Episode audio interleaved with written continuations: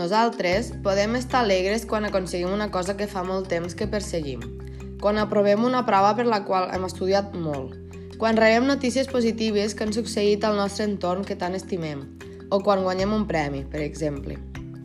Així, l'alegria té efectes positius per a la salut, ja que quan un individu se sent feliç o alegre, incrementa la fortalesa del cos, o sigui, les seves defenses, i minimitza el risc de patir algun problema de salut.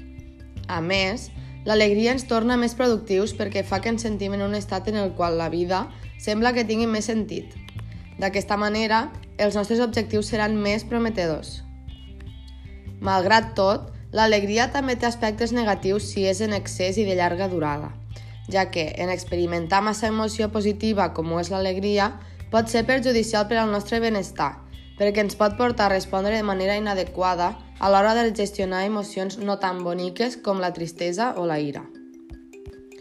L'alegria es pot treballar a classe a mode de reflexió al final de la setmana, cada divendres a última hora. Llavors, cada alumne s'aniria apuntant cada dia, com si es tractés d'un petit diari de classe, el moment més alegre que hagi tingut i per què ha sentit alegria. Així, tots els divendres els nens i nenes posaran en comú les seves alegries de la setmana, perquè, a partir de trobar-se amb instants d'alegria, també aprenguin a crear-los per si mateixos.